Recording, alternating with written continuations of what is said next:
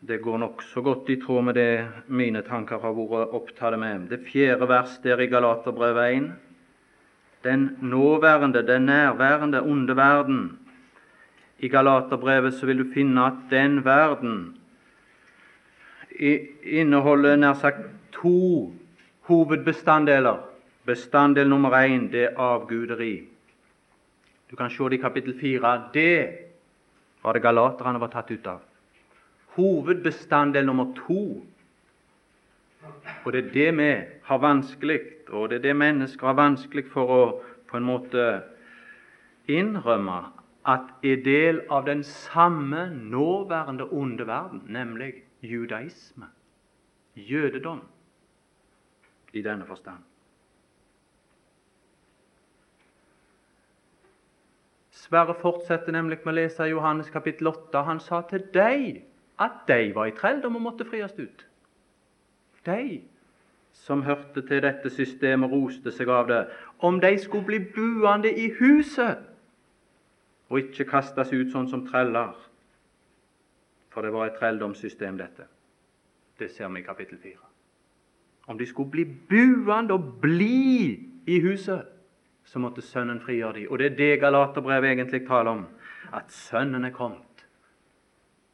Om du kommer ifra den verste form for avgudsdyrkelse, eller om du er det ypperste representant for det judaistiske system, så er det kun gjennom Sønnen alene at du kan bli i huset. Det er jo det det tales om i kapittel 4. Det er Isak der, og så er det de som kastes ut, som ikke får være der. Som var treller etter systemet. Det er parallelt, dette her. Og, Sverre leste andre ting. Jeg skal ikke kommentere det. Men det var helt på linje med det jeg hadde tenkt å lese. Jeg skal lese en del vers.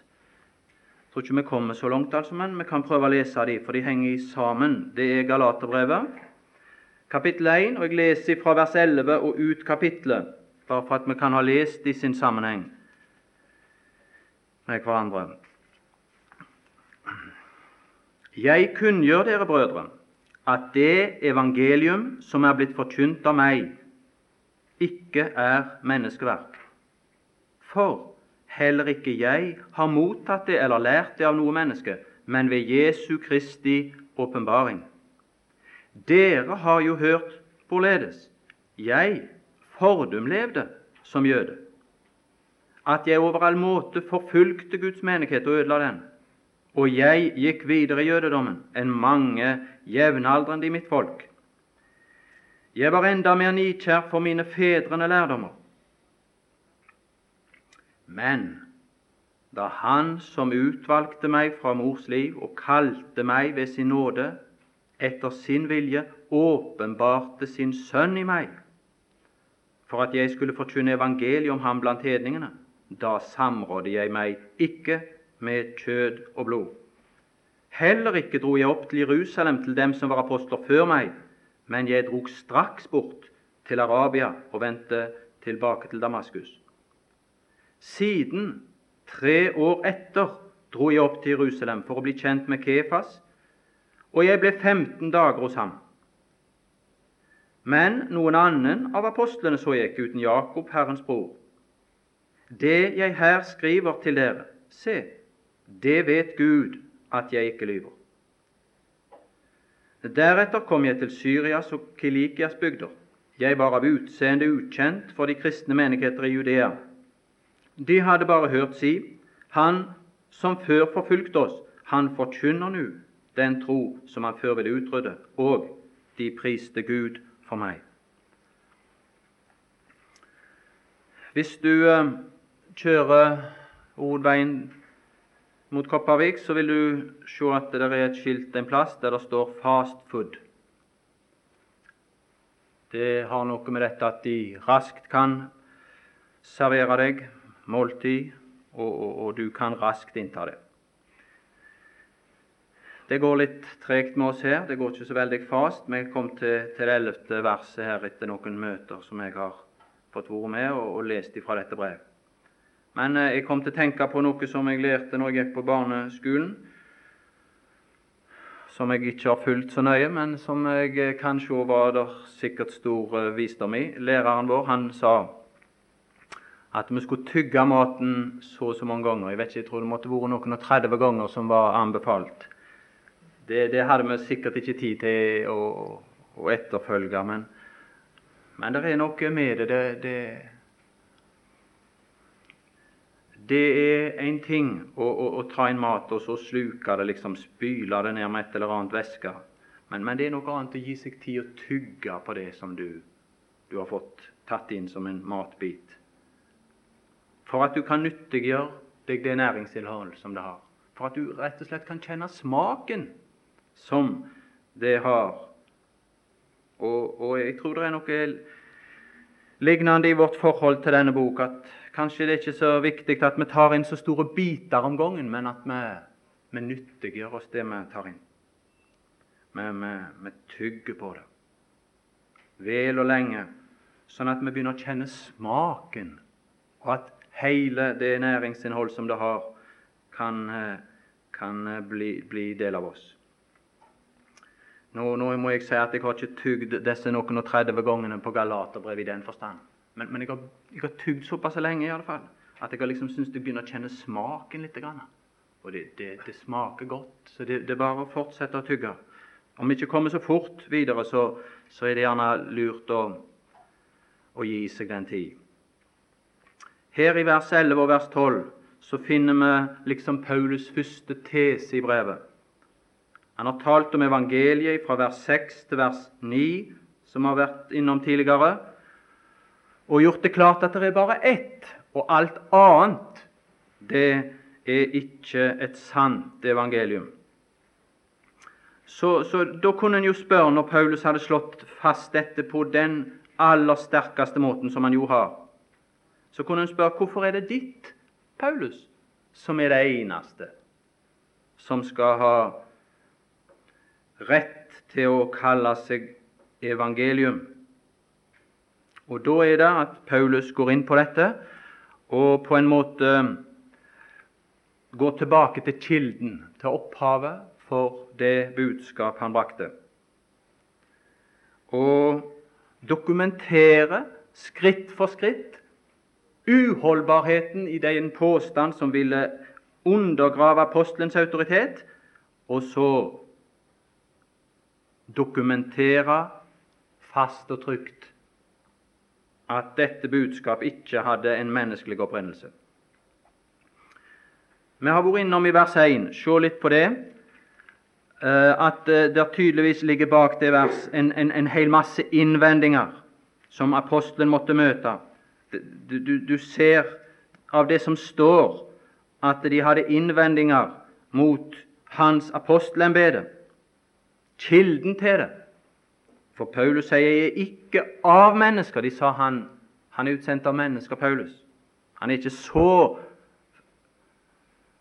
eminent som de tolv som hadde direkte samfunn og omgikk den Herre Jesus Kristus sjøl i hans jordeliv her. Han, han, er sendt av mennesker, Paulus. Det er de tolv i Jerusalem som har utsendt ham. Men, men han har moderert det budskapet han fikk fra de tolv. Eller i alle fall så, så, så er det ved hjelp av ved mennesker han er blitt apostel. Og På lignende vis så fører de fram anklager mot det budskap han som en apostel brakte. Og Det er disse han går inn på fra vers 11 og utover, når han sier og, og påstår at han har fått det direkte fra Gud. Og, og, og, punkt for punkt tilbakeviser de anklager som ligger til grunn for denne hans sterke tale her.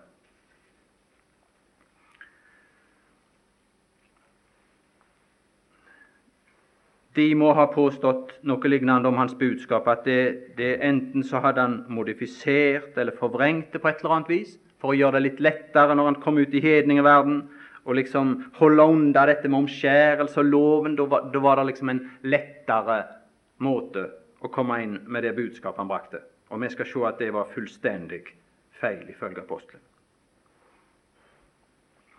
Uh, han går til det skritt her, og så framlegge tre, i hovedsak tre eh, historiske fakta. Og de tre historiske fakta tilbakeviser på ethvert punkt de anklager som var ført inn.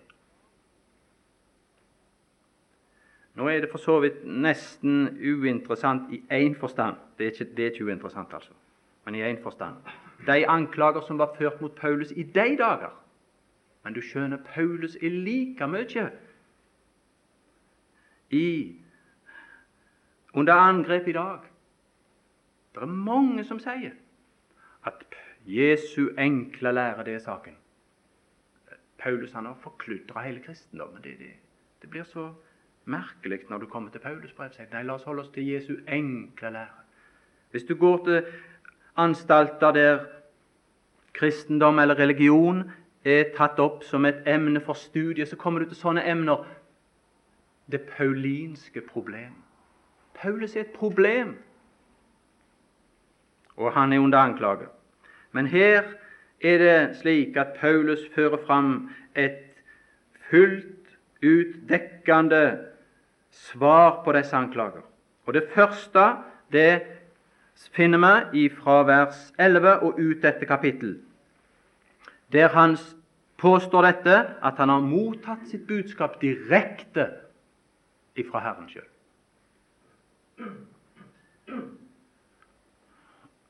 at han ikke har fått annenhånds ifra de tolv. Det, det, dokumenteres punkt for punkt nedover der. Så kommer du til kapittel 2, og fra vers 1 til 10 så sier han at ved en bestemt anledning så anerkjente de andre, de tolv, fullt ut det budskap han hadde forkynt. Og han ble ikke pålagt å endre sin forkynnelse. Og det måtte ha brodd imot disse som førte slike anklager mot Paulus. Og så kommer det tredje, nær sagt sterkeste i en viss forstand, argument. Og det er fra vers 11 i kapittel 2 og ut kapittel 2. Og det er slik at ved en offentlig anledning oppe i Antiokia, så måtte Paulus korrigere Peter. Det var jo hovedmannen deres. Det var jo han og de andre av de Jesu disipler som disse judaister liksom knytta seg til og sa det er folkene, det er autoritetene. Men Paulus Nei, det er noe, noe litt tvilsomt med han. Her er det Paulus som må korrigere Peter. Og Det var en viss opposisjon hos Peter ved denne anledning, men han lot seg korrigere. Og han bøyde seg for at den som der ved den anledning oppbeholdt evangeliets sannhet For det var det det sto om. Du kan se det i det 14. vers i andre kapittel. Det var Paulus. Og de andre måtte si at det er sant. Her var det svakhet sjøl hos den gode Guds mann, Peter.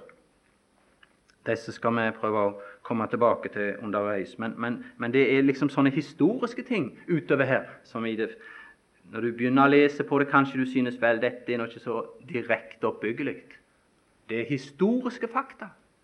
Men det er guddommelig lærdom lagt inn i disse fakta. Og vi burde ikke lese så raskt forbi dem.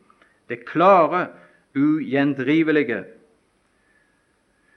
bevis for apostelens uavhengige tjeneste, som leder opp til denne store tanke at han har fått det direkte fra Guds hånd, fra Guds munn. La oss før vi går noe videre, dra en liten lærdom her fra dette tredje fakta. Nå er jeg i kapittel 2 og den hendelsen som dere beskrev fra vers 11 til 21. Det er bare én ting jeg vil si, og det er dette at uh, det sies om Peter at han var en svært sånn vankelmodig person inntil et bestemt tidspunkt. For uh, du kan se han der i ypperste prestens gård, at ei tjenestepike var nok til å vippe han av pinnen. liksom. Det var en vankelmodig mann. Men så sies det så kom pinsedag. Og når han da blei døpt med Den hellige ånd, sies det, så blei det rensa ut alt dette. Og det er ny Peter du finner på pinsedag. Ja, det, det er det. Det er en Peter der alt er rensa bort, sier de, av alt det gamle, vaklende, usikre og svake i denne mannen. Så, så, han fant ikke på sånne streker som han fant på ypperste prestens gård etter den dag. Å nei, han er, han er, han er helt rensa for den slags. Og Leser du apostelgjerningene bare, så kunne du kanskje synes at vel, det, det der er nok eh, korrekt det når det gjelder Peter. Og du kunne kanskje begynne å lure på deg sjøl hvis du gjør andre opplevelser med deg sjøl etter den dag når Den hellige ånd kom og tok bo hos deg. Så kunne du kanskje si vel, det er visst ikke rensa vekk alt dette uhumskheter hos meg, sånn at jeg føler det på den samme måte som Peter. Og Når noe sies ofte nok, så ser det ut for en ofte tror det. Men her er historisk fakta som gjendriver den påstanden. Og det er nyttig å bli oppmerksom på. Det var ikke sånt med Peter heller. Det er ikke sant det at Peter etter pinsedag var fullstendig fri for alt dette. Her, du, her du, hykler Her, du, han ga vitne for noen som kom fra Jerusalem, som hadde et navn, og som det var religiøs innflytelse bak. Vippa av pinnen med en gang. Dette er etter pinsedag. Det er faktisk etter apostelgjerningene 15, som vi skal senere komme tilbake til. Ja, du kunne si hva da med Barnabas? Barnabas var her. Han òg ga vitne samme, samme saken. Ja, Se nå i apostelgjerningene, bare for ordens skyld. For dette har blitt sagt så ofte, iallfall har jeg hørt det veldig mange ganger. Og, og Sies det en ting mange nok ganger, så tror folk det, og de tror kanskje at det står i Skriften til og med. Apostelgjerningene 11, 22 og dette var før Dette var før Barnabas til like med hele mengden hykla der i Antiokia, etter at de hadde innrømt at det der var galt. Apostelgjerningene 11, 22, der står denne tiende kom da menigheten i Jerusalem for øre, og de sendte Barnabas ut for å dra til Antiokia. Dette var ved tidligere anledning enn den som nevnes i Galaterbrevet 2. Så hopper vi over det 23. vers, men for det står en beskrivelse av denne mannen, Barnabas. For han var en god mann og full av Den hellige ånd og tro. En sånn mann kan òg hykle. En sånn mann kan òg bli drevet med. Det svarer mye mer til min opplevelse i mitt liv som en troende. Det er nok ikke rensa bort alt hos meg, iallfall. Og det svarer vi med disse klare fakta fra Guds ord. Og det er for meg i alle fall oppbyggelig å kjenne at dette er fakta. Dette er de bibelske fakta, ikke en del av dem, men hele fakta.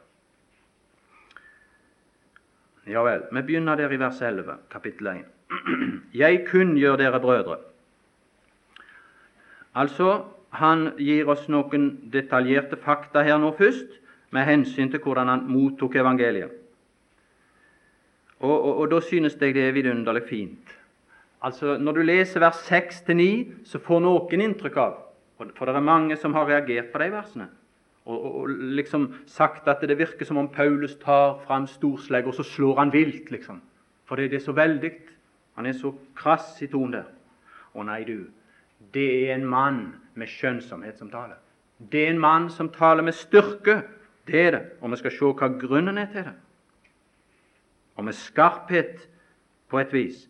Men du, det er en mann med skjønnsomhet som taler, for han sier 'Jeg kunngjør dere brødre'. Han gjør et klart skille mellom disse judaistiske inntrengerne og disse som tilhørte menigheten i Galatia. Han skar ikke alt over én kam.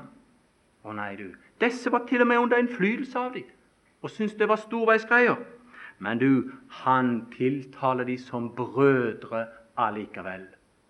Og det synes jeg er vidunderlig fint. For disse andre, de som var inntrengere, de kan du se av kapittel 2 og vers 5 at de får òg betegnelsen brødre, men de har et navn foran.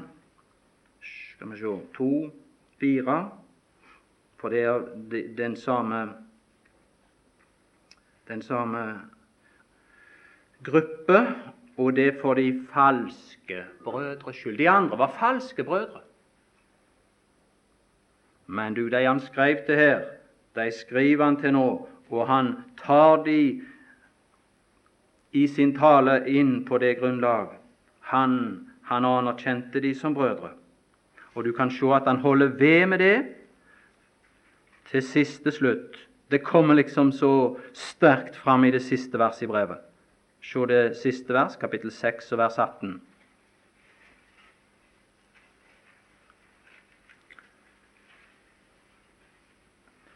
Vår Herre Jesu Kristi nåde være med dere, dere sånn, og så kommer dette vidunderlige ord 'brødre'. Amen. Du, du, skjønner dette ordet 'brødre'. Det var ikke et sånn et ord som uh, han bare slengte ut som en honnørbetegnelse, eller som noe som passet seg når liksom han skulle henvende seg til dem. Det var et ord med en bestemt mening for denne mann Paulus. Hvordan var det når Ananias kom til han der første gang? Tror du ikke at dette ord hadde en bestemt mening for denne mann? Saul, bror, sa han.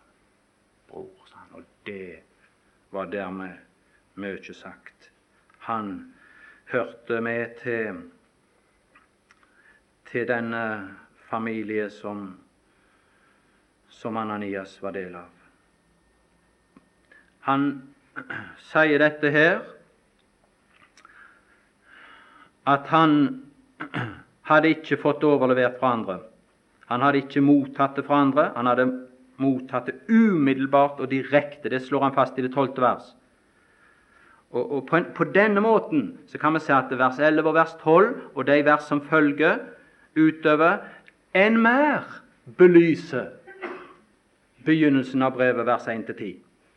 For her er det klart at hvis dette evangelium som Paulus forkynte, ikke var menneskeverk, ikke var produsert av mennesker i den forstand, eller mottatt av mennesker, men mottatt direkte fra Gud, så måtte alt annet som var annerledes enn dette budskap, ha en menneskelig opprinnelse. Være etter mennesker. Og, og, og det, er det han prøver å, å si det her. Jeg kunngjør dere, brødre. Det er litt brodd i disse ord. Det er litt brodd i disse ord, fordi til brødre så vil en kanskje ikke opptre slik. Uten at en sier de noe nytt. Da kan en kanskje tale på denne måten. Vanligvis vil en vel til brødre si 'som dere vet, brødre'. Men her gjør Paulus bruk av en talemåte som han òg ved andre anledninger gjør bruk av, og det er litt brodd i det. For brodden i det ligger i dette at han må si noe til dem nå som om det var noe nytt han sa dem som han hadde sagt dem før. De hadde glemt det som han hadde sagt. Og fordi de hadde glemt det, så hadde de blitt et bytte, lett bytte for disse som kom og sa forskjellige ting. Og så må han liksom minne dem om det på denne måten. Brødre, dette jeg nå sier Det er ikke noe ny kunngjøring, ny informasjon. Men dere må jo ha glemt det. Jeg må jo kunngjøre dere det på nytt. Se i vers 13a. 13a, 13 første del. Dere har jo hørt det, ikke nytt dette. Men jeg må på nytt kunngjøre dere det. Det er akkurat som når han i første Korinterbrev, kapittel 15, hvis du vil se der, for det er akkurat samme satsen, og det er akkurat samme tanken som ligger bak. Jeg tror vi skal ta tid til det, selv om det går litt tregt der.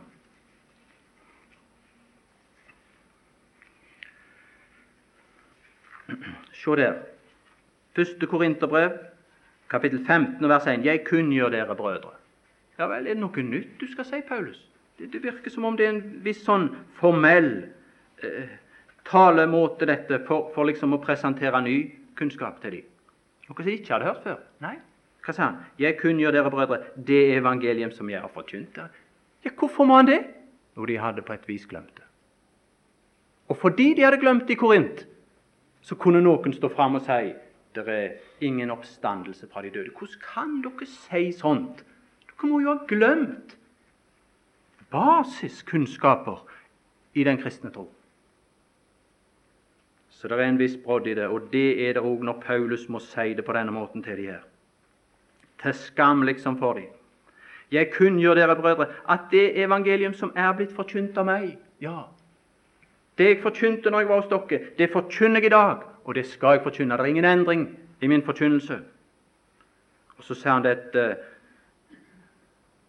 som er et karakteriserende utsagn for hans budskap.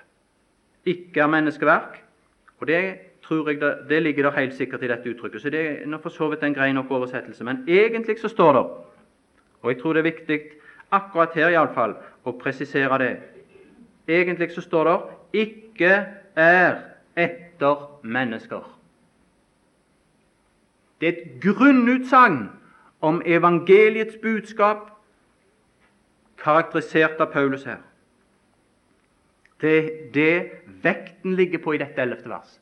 Ikke etter mennesker, ikke i samsvar med mennesker. Hvor underlig og hvor skamfullt det måtte være for galaterne å bli gjort oppmerksom på det av apostelen som først hadde brakt i evangeliet, som når han brakte det evangeliet Gud hadde virka så åpenbart iblant dem, som vi kan se senere i brevet. Kanskje det òg ligger her denne tanke at judaistene hadde hevda at hans evangelium det, det hadde han mottatt fra mennesker.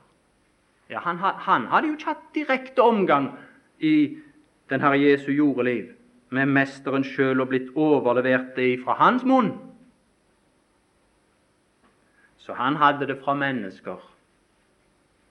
Og kanskje hadde han tilpassa det litt sjøl òg, for å gjøre det enda mer etter mennesker. For liksom ute i hedningverden å finne et visst rom for sin forkynnelse. Liksom gjort det uten loven, uten disse ting som disse mente du måtte ha med.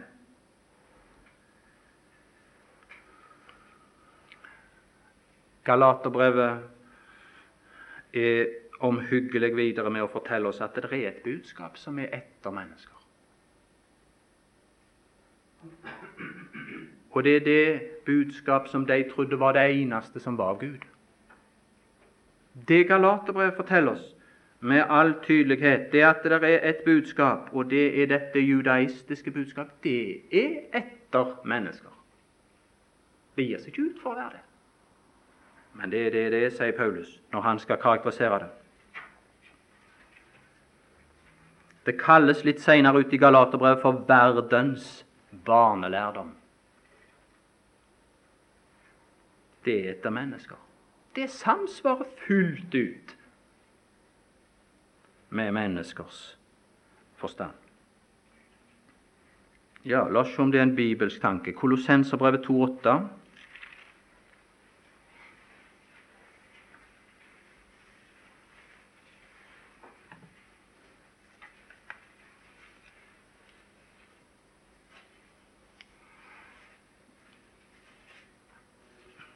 Kolossenserbrevet 2,8. Der står det Se til at det ikke må være noen som gjør dere til sitt råd ved verslig visdom og tomt bedrag etter menneskenes lære. Menneskenes lære.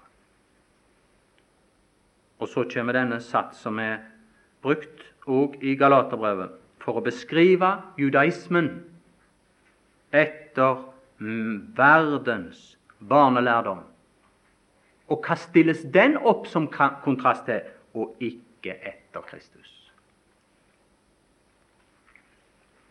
Det er to forskjellige opprinnelser disse ting har, og dermed to forskjellige karakterer de har. Og måtte Gud gi oss forstand på å skjelne mellom disse ting. Se i det 22. og 23. vers etter menneskenes bud og lærdommer. Ja, det har vel ikke noe særlig anseelse? Jo, det har det. Som vel har ord for visdom. Ved selvvalgt dyrkelse og ydmykhet Ja, det er mye av den slags i det. En, en form for strenghet i det. som går så til ytterlighetene at det er mishandling av legemet. Har du hørt om askese og den slags? Ja, det må jo være. De må jo ta det alvorlig. Så det må jo være rett. Hva er apostelens kommentar? Ikke ved noe som er æreverdt. Ja, hva er det for noe, da? Det er kjødet som krever en slik dyrkelse av Gud. Og hvis du dyrker Gud på den måten, så får du en kjødelig tilfredsstillelse. Det står 'bare'. Altså, det er ikke noe av annet i det. Det er bare til mettelse for kjødet. Ja, La oss gå tilbake til Galaterbrevet, skal vi se at dette samsvarer fullt ut med Galaterbrevet. De som ville ha omskjærelsen inn, de som ville ha loven inn, hva var deres egentlige motiv bak det hele? Ja, Det kunne jo se ut at det var de alvorlige. Den vei Paulus forkynte, Kristi nåde, fullkommen frelse ved ham, det er en for lettvint vei, Paulus. Nei, vi gjør, det, vi gjør det ikke så enkelt. Du må ikke tro det er så enkelt, Paulus. Her har vi disse apostler som har fulgt Jesus. Og, og, der oppe i Jerusalem der er loven fremdeles bindende iblant de fleste, og de er nidkjære for loven, står det til og med i apostelgjerningene 21. Så du må ikke komme her og fortelle oss at det er noen, noen sånn lettvinte vei. Så sier Paulus i Galaterbrevet det er akkurat motsatt det. Akkurat motsatt det. Men det har skinn av noe som ikke er realitet. Se i kapittel 5 i Galaterbrevet.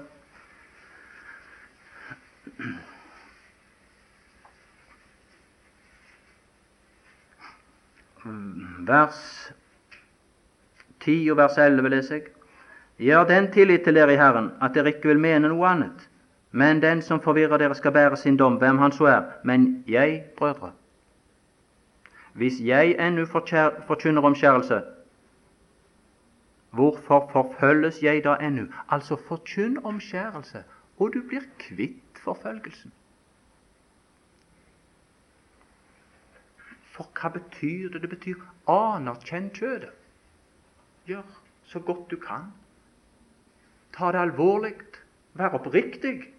Og det har anseelse hos ufrelste mennesker, til og med. De opphører med å forfølge en slik. Se i det sjette kapittel. Der avslører han den bakenforliggende motivasjon for deres forkynnelse. 6.12. Så mange som vil ta seg godt ut i kjødet. Ja, hva gjør de?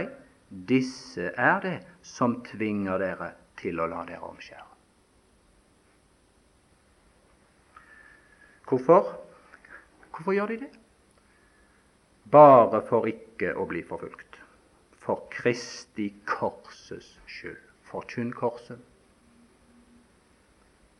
som er en dom over all kjød.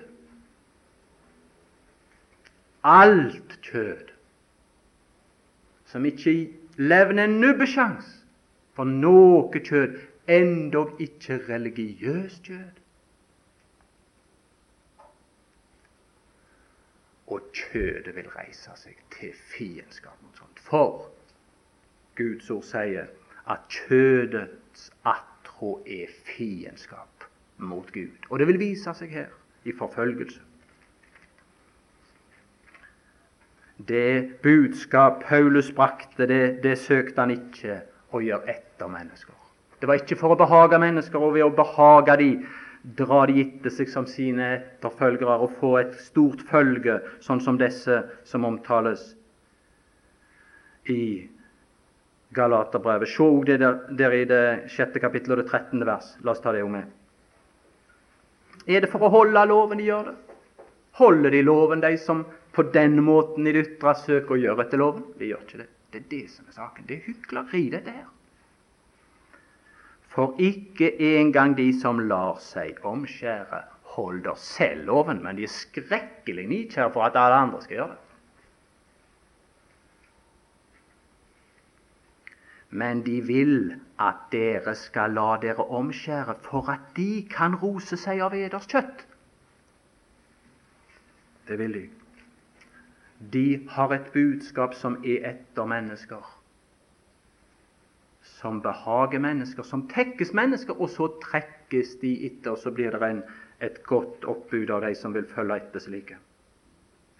Paulus sier som, liksom, som opphav og kilden er, så er budskapet. Så er karakteren av budskapet. Mitt budskap er ikke etter mennesker. Jeg er ikke ute for å tekkes mennesker. Se hva han har sagt i det tiende vers, siste del. Søkte jeg ennu å tekkes mennesker. Er det deg jeg har i tanken når jeg sier disse på en måte forferdelige ord, som han har sagt fra vers 6 til vers 9 der? Da var jeg ikke Kristi tjener. Det stilles opp imot hverandre som to uforenlige ting. For i evangeliet så er det disse ydmykende ord for enhver synder. Det er ingenting som gir mennesket ære. Sjøl ikke de som gjør det beste de kan, er det nok ære for. Ikke for dem engang. Men det ærer Gud. Det gir Gud den rette plass. Og når Gud får den rette plass, så kommer det ut fra Gud et budskap av en totalt annen karakter, som ikke er etter mennesker. Paulus ville, ifølge det han sier i det tiende vers, tekkast Kristus alene. Mennesker kunne kritisere han eller rose han, og det var ingen stor sak for ham. Det må jeg si.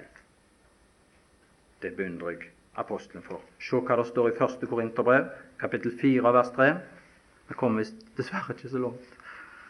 Her, Jeg hadde tenkt vi skulle komme til og med det 14. verset, i dag, men det tror jeg vi får bare slå ifra oss.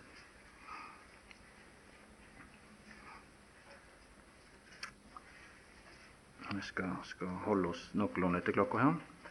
Eh, første Korinterbrev, kapittel 4, vers 3.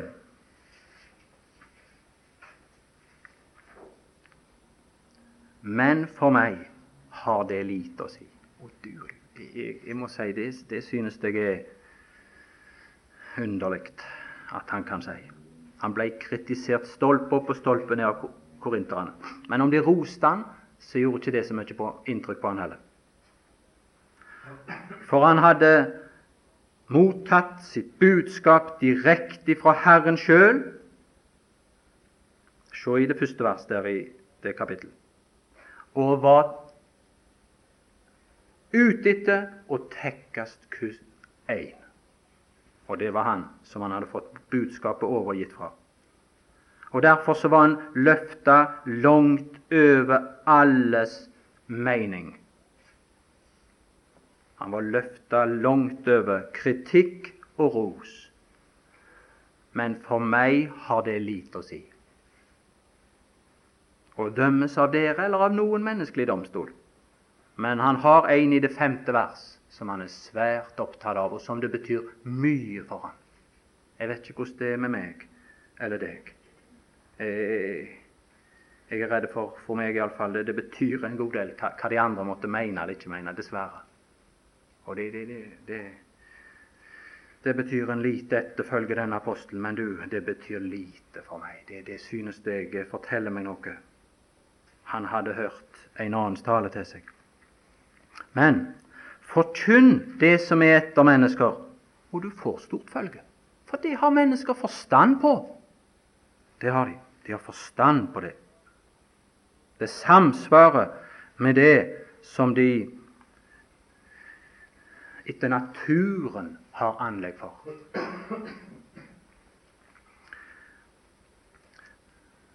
Og Du vil se når, du, når vi leser utover i Galaterbrevet, at disse vranglærere i Galatia de søkte å føre alt vesentlig av det som var i jødedommen, inn i evangeliet. Og knytte det opp til og forbinde det med evangeliet. Men vers 13 og vers 14, som jeg også hadde tenkt vi skulle kommet et stykke vei på, det vil fortelle oss at Paulus egen erfaring forteller at jødedommen ikke var et supplement til evangeliet. men var i total motstrid, i total uforenlighet, fullt ut av en motsatt karakter. Det kan du se i det 13. og 14. vers. Jeg skal komme tilbake til det en annen gang. Heller. Altså jødedommens ypperste representant på den tid var menighetens verste forfølger. Skulle ikke det ha en brodd til disse som ville ta alt av jødedommen inn? Å, du ødelegger Guds menighet om du fører disse tingene inn. Han som var den mest fullt utvikla lovmann, Paulus, han var den som søkte å ødelegge Guds menighet. La, la det kanskje ligge. Men Paulus ble tatt fullstendig ut av jødedommen ved sin omvendelse, som du kan lese om i det 15. 16. vers. Og han mottok det budskap helt og fullt ved åpenbaring. Men la nå det stå. La, la, meg lese et par vers helt til slutt, så, så får vi bare stoppe av. Uh, ordspråkene, det 14. kapittel. Der står det noe som er en konstatering av et, et faktum som jeg kan, tror jeg eh,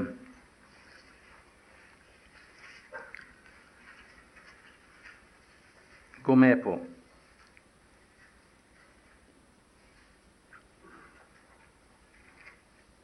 Der står det 'Mang en vei tykkes en mann rett'. Mang en vei tykkes en mann rett. Det er mange som tror at kriminalitet det er synd.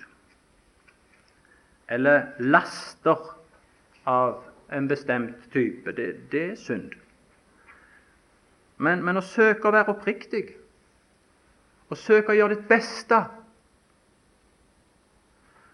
Å, ta religion opp Å vie seg det med iver og all sin kraft, det det er jo en god ting. Det er jo en prisverdig ting. Det er noe som har anerkjennelse. Jo, det er en oppriktig mann. Eller, eller noe i den dur. Du blir en mønsterkristen ved å gå den vei. I den alminnelige manns vurdering. Hva sier Det nye testamentet? Det nye testamentet sier at du blir en mønstersynder ved å gå den veien. Paulus tar seg fram sjøl i 1. Timoteus brev, kapittel 1, og så sa han jeg er den største iblant syndere.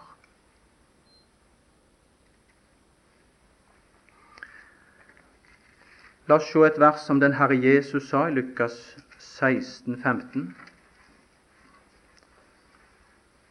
Og det er et meget kvast ord sagt til en bestemt gruppe, som Paulus noen år seinere var den ivrigste foregangsmann for. Du ser i det 14. vers fariseerne. 15. vers. Da sa han til dem:" Dere er de som gjør dere selv rettferdige for menneskene, men Gud kjenner eders hjerter. For det som er høyt i menneskers øyne. Ja, en fariseer Det er en mann som har høy anseelse, hadde det i jødedommen, og den moderne utgaven av det har høy anseelse i dag. Det som er høyt i menneskers øyne. Mennesker. Om du har et budskap som er etter mennesker, så blir det høyt. Det svarer jo til det vi har forventninger om. Det er sånt vi vil ha det. Dette må være rett. Så skal du se hva sier den Herre Jesus om det. Er. Vel, når mennesker synes det er så svært, og, og synes det er så høyt og flott dette, at det er rett og slett noe å se opp til, det, det er så høyt, vel, så, vel, så kan vel ikke Gud helt se bort ifra det at vel, det, har, det, jo, det har jo en viss betydning. Det er ikke så aldeles rivruskende gale. Se hva han sier. Er en vederstyggelighet for Gud. Det var til fariserer han talte. Og det er et skarpt ord, det. Det er sikkert knapt et skarpere ord sagt i Det nye testamentet. Dette ord vederstyggelighet det bruktes i Det gamle testamentet om en historisk hendelse, så de visste hva han refererte til den Herre Jesus. Han refererte nemlig tydeligvis til det som står i Daniel 11, 31, og som er på en måte et profetisk forbilde for det som skal skje ved Antikrist, som også andre steder det brukes om. Jeg skal ikke gå inn på det, men jeg skal bare si der i Daniel 11, 31 refererer det til denne onde mann, Antiokus Epifanes, den syriske konge, som kom inn i Israel, som gikk inn i tempelet, og som på brennofferet lagde et nytt offeralter og sa nå ofrer vi til Sevs, den greske gud. Og så ofra de svin i tempelet. Det kunne ikke større helligbrødet gjøres Hele tempelet ble innvidd til en hedensk guddom. Og så sier liksom den Herre Jesus Det er dere som dere holder på med. I Guds øyne det er en vederstyggelighet. Har du lest om Kain? Han ofra et offer. Og du kunne tenke vel, det var han ikke så gale. Det var jo mye verre at han slo sin bror i hjel. Ifølge første Johannes brev, sånn som jeg leser det iallfall, så får du undersøke det, så var det verste han gjorde, ikke at han slo sin bror i hjel, men at han ofra det offeret han ofra. For han gikk liksom inn i Guds nærhet som om synden ikke var til, og så sa han liksom Vel, Gud, jeg har gjort mitt beste, jeg har luka av alle ugras, nå ber jeg fram mitt beste. Nå må vel du òg være fornøyd? Det var en hån imot Gud. Å komme inn i Guds nærhet med det som var tegnet på forbannelse. Jorda skulle forbannes av Gud. Og så kommer du her med jord. Frukt av jord. Og så sier det greit. Nei, det var dette Sverre leste for oss. Han leste det. Vær den som holder seg til, som går til Gud på det grunnlag. Det er ingen mulighet for han. Han er under forbannelse. Han er under Guds ødeleggende dom. Ja, det ble litt kortere enn jeg hadde tenkt, men kanskje iallfall denne tanke kunne stå klart for oss, ung som oss eldre, at her er det et skille som jeg og du må skjelne imellom. Gud har sendt ut et budskap som visstnok er ydmykende for oss. Fullkommen nåde. Blander du med det noe av det andre, så får du et ødeleggende budskap. Og må vår munn tale klart, for det er så lett. Selv en Peter, selv en god mann som Barnabas, kunne bli dreven med av litt hykleri den veien. Ja, å elske sin neste som seg selv, du må nå prøve på. Det kan det ikke være noe galt, det.